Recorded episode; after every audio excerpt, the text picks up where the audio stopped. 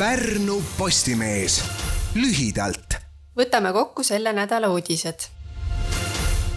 Via Baltical Majaka külas üheksakümne alas sada üheksakümmend viis kilomeetrit tunnis kupatanud juhile määras kohus üheksa päeva aresti.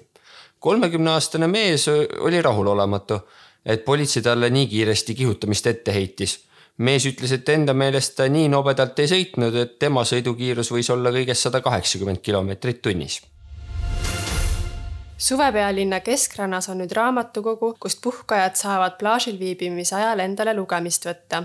asub see Hedoni kõrval pinkidega istumisplatsi juures. raamatukogu pani püsti Tartu Ülikooli Pärnu kolledž alates järgmisest teisipäevast kuni augusti keskpaigani toimuvad Supeluse ja Roosi tänava nurgal tänavakontserdid. suvepealinna jalakäijate tänavale tuuakse erinevat pärimusmuusikat. Pärast iga kontserti on võimalik haarata oma pillid kaasa ja minna aiakohvikusse Oliveri jämmima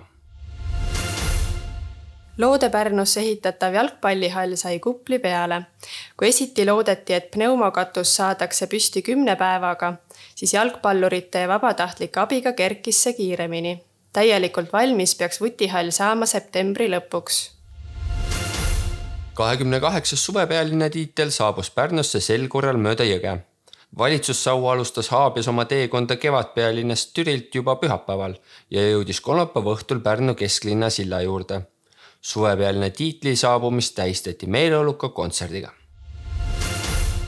jaanipäevaks pidanuks valmima uuendatud Munamäe rulapark, kuid ootamatuse tõttu lükkub see edasi. nimelt ööl vastu teisipäeva tõmbas keegi vooluvõrgust välja kompressori juhtme. sellega sai rikutud enamik maa-alusest torustikust. Kui kaua rulapargi avamine selle tõttu viibib, ei ole teada. selle nädala uudised võtsid lühidalt kokku ajakirjanikud Kristo Niglas ja Annika Auväärt. Kuulmiseni. Pärnu Postimees lühidalt